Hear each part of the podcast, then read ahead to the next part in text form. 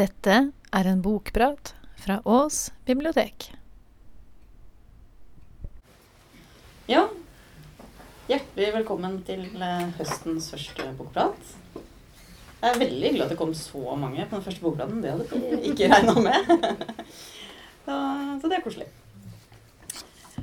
Boka som eh, jeg skal snakke om i dag, den eh, heter Oss og er skrevet av David Nichols. Den kom i eh, 2014. Eh, David Nichols han er britisk. Han er født i 1966 i Hampshire i England. Og ved siden av å gi ut eh, romaner, så er han også manusforfatter. Han jobber på en del sånne TV-produksjoner, bl.a. for BBC. Så han er en ganske sånn kjent eh, TV-mediepersonlighet i England. Og han har gitt ut fem romaner. Og to av de er oversatt til norsk. Dette er eh, bok eh, to på norsk. Eh, og så er han aktuell med en bok ute på engelsk nå, som jeg er også ganske sikker på at kommer til å bli oversatt.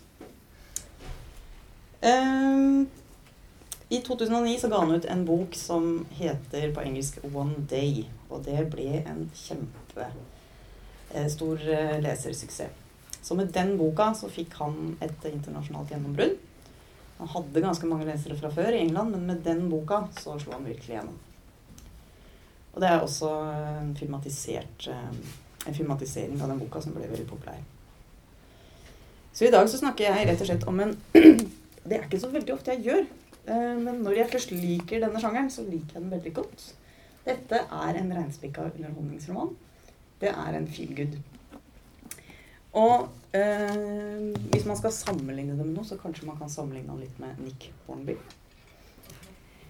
Eh, stilen i denne boka her, den er umiskjennelig britisk.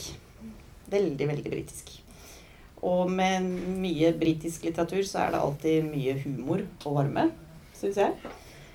Og det er alltid ganske mye sånn satire. Så satiren ligger liksom eh, rett under overflaten hele veien i den boka her. Ehm, og så er det jo også sånn at i bøkene til Nichols så er det ofte et eh, kjærlighetsmotiv. Det kommer vi ikke utenom. Men eh, den har også veldig mye mer, denne boka her, som det skal komme, komme tilbake til. Og når jeg først liker britisk feelgood, og det funker, så er det veldig bra. Og jeg liker det mye bedre enn amerikansk feel good. Og Den heter altså Oss. Så det, det skal jo ikke tas så mye tankevirksomhet før vi skjønner at det dreier seg om en relasjon, og det dreier seg om en kjærlighetsrelasjon. Men i det tilfellet her så eh, handler det om et ektepar i 50-åra. Og temaet for boka er eh, skilsmisse. Vi står overfor en skilsmisse. Så det er ikke en romantisk bok i den forstand. Det er det ikke. Og hovedpersonen i boka, det er Douglas Peterson. Han er i 50-åra. Han er biokjemiker. Og så er han gift med Connie, som er kunstkonservator. Og så har de en, sønn, Albie, på 17 år. Og boka starter ganske rett på tematikken, eller problematikken, med at Connie vekker eh, Douglas midt på natta med kanskje ikke tidenes hyggeligste budskap. Kapittel 1. Innbrudd. I fjor sommer, like før sønnen min skulle flytte hjemmefra for å begynne på college, ble jeg vekket midt på natten av min kone. Først trodde jeg hun ristet i meg fordi noen brøt seg inn. Etter at vi hadde flyttet ut på landet, hadde min kone fått en tilbøyelighet til å skvette opp hver gang det knirket, knaket eller raslet. Jeg prøvde å berolige henne. Det er radiatorene, sa jeg. Det er bærebjelkene som utvider seg eller trekker seg sammen. Det er revene. Ja visst, rever som tar laptopen, sa hun da. Rever som tar bilnøklene. Og så ble vi liggende og lytte en stund. Vi kunne alltids trykke på panikknappen ved siden av senga, men jeg trodde aldri at jeg ville få meg til det, i tilfelle alarmen skulle forstyrre noen, som f.eks. en innbruddstyv. Jeg er ikke en spesielt modig mann, og jeg ruver ikke i terrenget, men den natta så jeg på klokka, den var litt over fire, sukket, gjespet og gikk ned. Jeg skrittet over den udugelige hunden vår, tasset fra rom til rom, sjekket vinduer og dører og gikk opp igjen. Alt er i orden, sa jeg. Det er sikkert bare luft i vannrørene. Hva er det du snakker om, sa Connie. Hun hadde satt seg opp.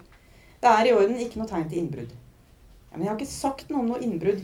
Jeg sa at jeg tror vi har kommet til veis ende. Jeg tror jeg vil gå fra deg, Douglas. Et øyeblikk ble jeg sittende på sengekanten. Vel, det er i hvert fall ikke innbrudd, sa jeg. Men ingen av oss smilte, og vi sov ikke mer den natten. Kapittel 2 Douglas Timothy Peterson. Sønnen vår Albie skulle flytte hjemmefra i oktober, og det samme kom en kone til å gjøre bare så altfor kort tid senere. De to hendelsene virket så nært sammenknyttet at jeg ikke kunne dy meg for å tenke at hvis Albie hadde strøket og vært nødt til å ta eksamen om igjen, kunne vi fått enda et godt år som ektefolk. Men før jeg forteller mer om dette og alt det andre som skjedde den sommeren, bør jeg kanskje si litt om meg selv, male et slags portrett i ord. Ja, det er fort gjort. Jeg heter Douglas Peterson og er 54 år gammel. La du merke til den fascinerende siste én i Peterson? Jeg har fått høre at det er arven etter noen skandinaviske forfedre, en oldefar eller noe sånt, skjønt jeg aldri har vært i Skandinavia og har ingen spennende historier å fortelle derfra. Tradisjonelt sett er skandinaver lyshåret, kjekt og sunt og like til folkeferd, men jeg er ingen av delene. Jeg er engelsk. Jeg vokste opp i Ipswich sammen med mine foreldre, som nå er døde begge to. Faren min var lege, moren min var biologilærer. Douglas skriver seg fra min mors nostalgiske svakhet for Douglas Fairbanks jr., Hollywood-stjernen, så der har vi enda et villspor. I årenes løp har folk prøvd å kalle meg Doug eller Dougie eller Doogie. Søsteren min Karen, som ifølge henne selv er den eneste i Peterson-familien med en sterk personlighet, pleier å kalle meg D, Big D, Deester eller Professor D, som hun påstår ville vært klengenavnet mitt i fengsel, men ingen av navnene har blitt hengende ved meg. Jeg er og blir Douglas. Jeg har forresten et mellomnavn også, Timothy, men det er et navn som ikke kler noen. Douglas Timothy Peterson. Jeg er utdannet biokjemiker. Så var det utseendet. Da vi nettopp var blitt kjent og syntes vi måtte snakke om hverandres utseende og personlighet, og hva vi elsket ved hverandre og alt sånn hele tiden, sa min kone en gang at jeg hadde et helt greit ansikt. Da hun så hvor skuffet jeg ble, skyndte hun seg å legge til at jeg hadde skikkelig snille øyne. Hva nå enn det skulle bety. Men det stemmer. Jeg har et helt greit ansikt. Øyne som muligens er snille, men også brunere enn brune, en nese av rimelige dimensjoner og et smil som til, fører til at bilder blir kassert. Hva mer kan jeg si? En gang vi var i et middagsselskap, dreide samtalen seg over hvem hadde spilt deg hvis livet ditt skulle blitt film. Folk lo og hadde det kjempegøy med å trekke paralleller til forskjellige filmstjerner og TV-kjendiser. Connie ble sammenlignet med en eller annen obskur europeisk skuespillerinne, og selv om hun protesterte nei, hun er altfor vakker og glamorøs osv., så, videre, så skjønte jeg at hun var smigret. Leken fortsatte, men da det var min tur, ble det stille i forsamlingen. Gjestene nikket, nippet til vinen og pikket seg på haka. Vi ble oppmerksomme på musikken som sto på i bakgrunnen. Jeg lignet visst ikke en eneste berømt eller kjent person i verdenshistorien, noe som antagelig betydde at jeg enten var helt unik, eller det stikk motsatte. Er det noen som vil ha ost? spurte verten, og vi skyndte oss å skifte tema til fortrinn og ulemper ved Korsika versus Sardinia, eller noe sånt. Nå vel. Jeg er 54 år gammel, sa jeg det. Jeg har en sønn, Albie, eller Egg, som jeg kaller han, som jeg er inderlig glad i, men som iblant ser på meg med ren og skjær avsky i blikket. Da føler jeg en slik sorg og bedrøvelse at jeg blir helt stum. Vi er altså en liten, spinkel familie, og jeg tror hver og en av oss kan føle på at den blir litt for liten, og det hadde vært fint med flere å fordele slagene på. Ja, det var Douglas. Det er litt sånn britisk antihelt skissert allerede der. Um, men før um, Douglas og Connie har planlagt en, uh, en, sommerferie, en slags dannelsesreise rundt omkring i Europa, som de skal ta sammen med sønnen sin på 17 år. De skal reise rundt i Europa og se, dra innom alle de store kunstmuseene eh, som er å se, og så skal de se alle de store uh, ja, monumenter holdt jeg på å si, som også er verdt å få med seg. Og dette her har de planlagt kjempelenge. Lenge før Connie kom med denne bomba, som det rett og slett er. Eh, og Albie har jo ikke lyst til dette her i det hele tatt. Han kan jo ikke tenke seg noe mer trasig enn å reise rundt med foreldrene sine. Eh, men eh, dette har de tenkt at dette er godt for ham, da. Dette er noe vi skal gjøre sammen.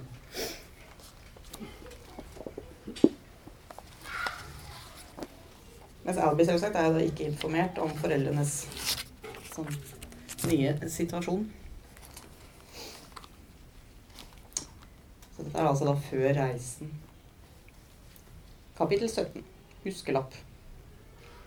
Noen retningslinjer for en vellykket dannelsesreise gjennom Europa. 1. Energi. Vær aldri for trøtt eller ikke humør til noe. 2.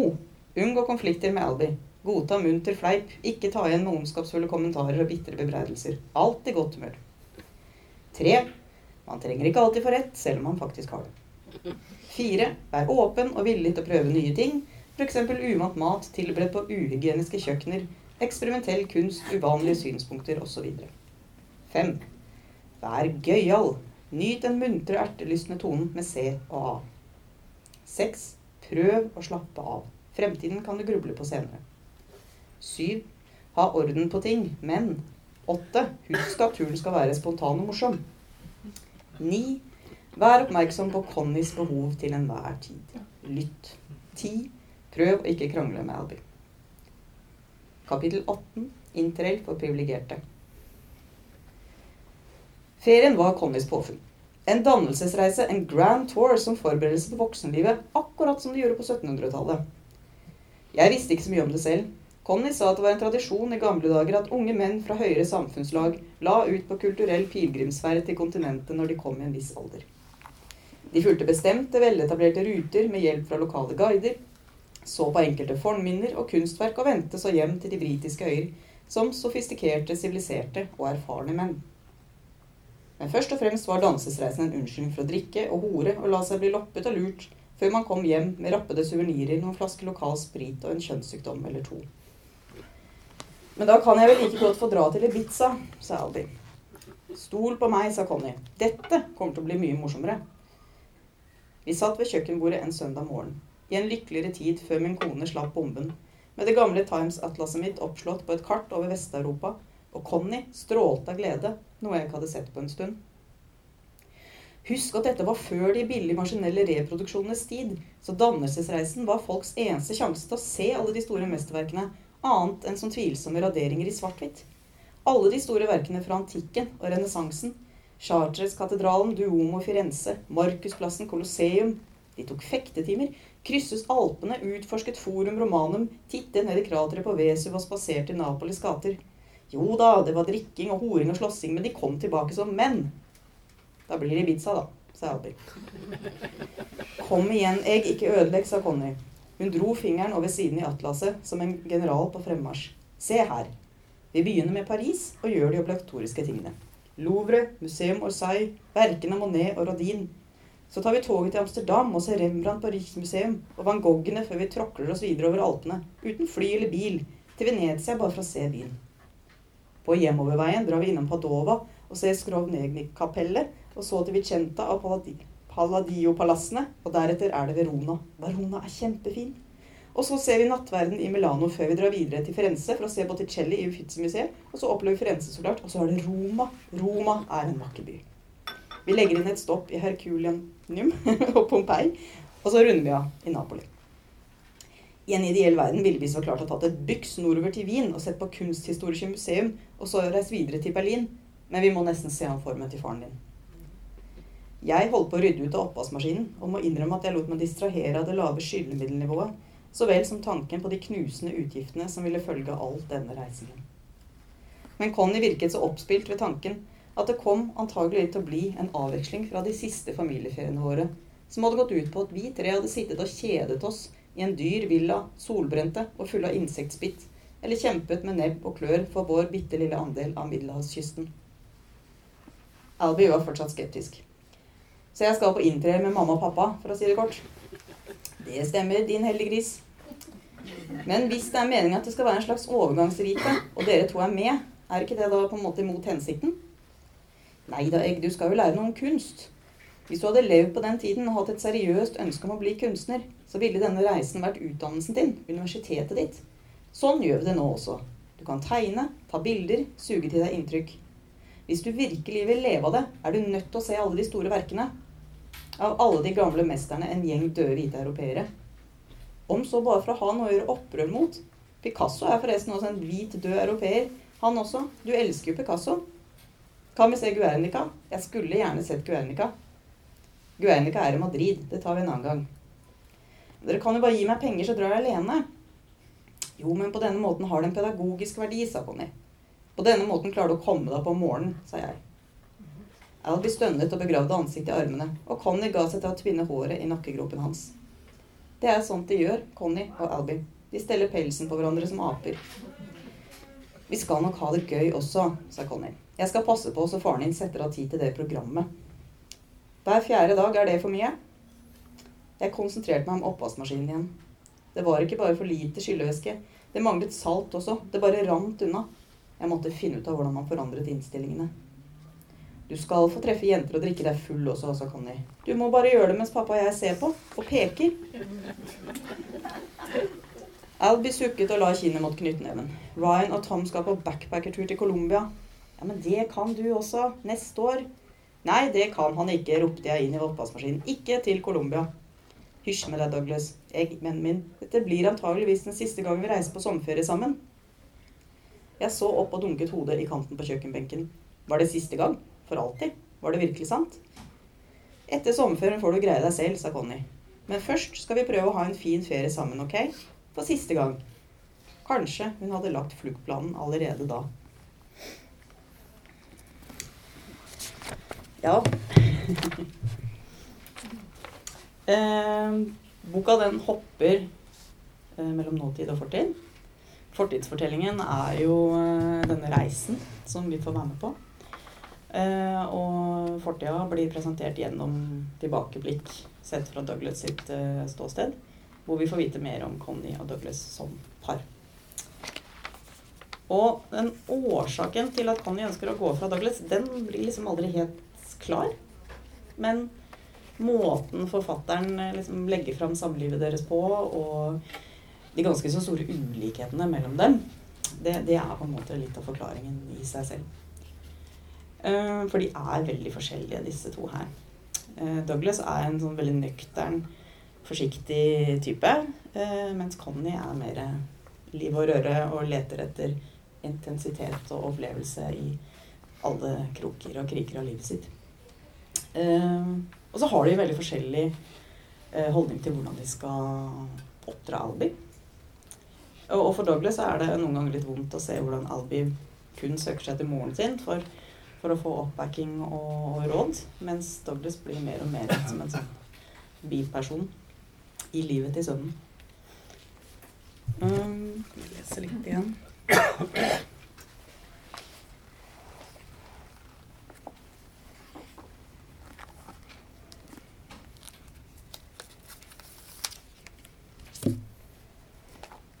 Lese et lite avsnitt som gir et lite bilde av uh, akkurat det der, om hvordan Douglas og Albie ser ganske forskjellig på ting. Samtidig som min sønns læring mer eller mindre stoppet opp, kjølnet forholdet vårt ytterligere. Det lille vi hadde av fysisk kontakt, kilingen og leiingen, forsvant etter hvert som vi ble mer forlegne, og jeg ble overrasket over hvor mye jeg savnet det, særlig å holde hånda hans. Jeg hadde aldri vært noe særlig glad i å lekeslåss, jeg var redd for at noen skulle slå hull i hodet eller forstue håndleddet. Men nå trakk han seg unna med et grynt eller fnys, bare jeg prøvde å legge armen rundt ham. Han låste seg inn på rommet sitt og, på badet, og i stedet for å gi sønnen min beskjed om å komme og legge seg på fredags- eller lørdagskveldene, begynte jeg selv å si god natt, og la de to være alene igjen i sofaen nedenunder, der Albie lå hodet med hodet i Connys fang eller omvendt. God natt, alle sammen. God natt. Jeg hadde lenge stålsatt meg til puberteten, men da Albi begynte å forvandle seg til ungdom, var det som om en borgerkrig som lenge hadde ulmet under overflaten, omsider brøt løs. Vi kranglet masse. Det får holde med ett eksempel. Jeg argumenterte for at naturfag og matte kanskje kunne gi ham et bedre utgangspunkt enn drama og kunst. En banal diskusjon, jeg vet det. En slik som oppstår i alle familier. Men Connie var ikke hjemme, hun var i London, og dermed var temaet brennbart. Poenget mitt er følgende, sa jeg. Putt en alminnelig samfunnsborger i et rom med en pensel eller et kamera. Gi han eller henne en scene eller penn og papir, så skal du se at de får til noe. Resultatet kan nok bli klossete, stygt og uskolert. Eller kanskje det avslører et visst potensial, til og med et skjult talent.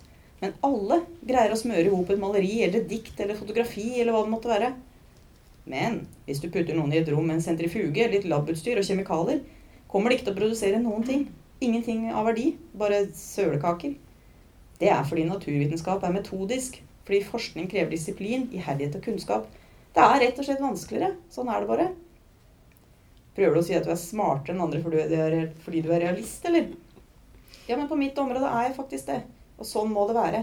Det er derfor jeg studerte, det er derfor jeg satt oppe om kvelden i ti år i strekk for å bli god. Så hvis jeg kutter ut et fag jeg ikke liker og ikke skjønner meg på, så synes du ikke at det er like mye verdt. Nei, da ville jeg bare tenkt at du kanskje mangler litt hæl. Jeg ville synes at du gir opp for lett. Du ville tenkt at jeg velger den letteste utveien. Kanskje. At jeg er litt feig. Jeg sa jo ikke det. Hvorfor vrir du på alt jeg sier? Fordi jeg gjør det jeg er god på, ikke det du er god på. Nei, fordi du velger minste motstands vei. Du har godt av utfordringer og vri hjernen din litt.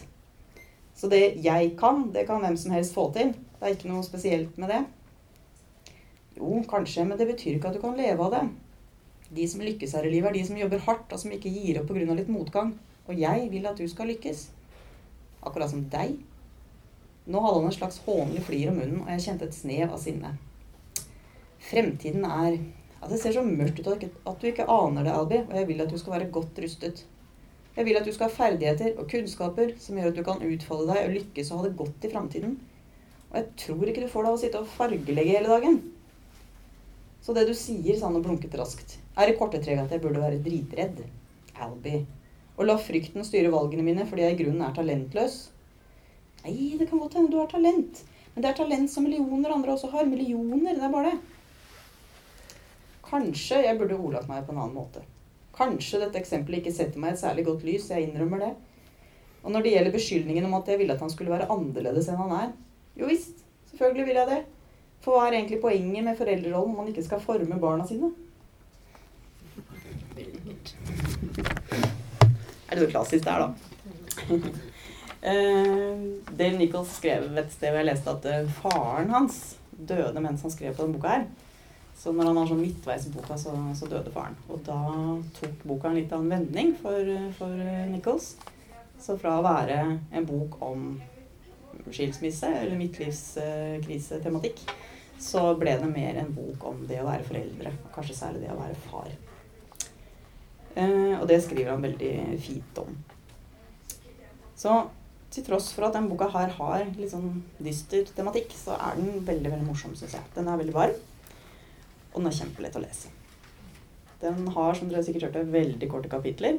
Man må bare lese man kan liksom lese ti kapitler i, slengen. Det gjør ingenting. Eh, og så er den delt inn i, i, i tre deler.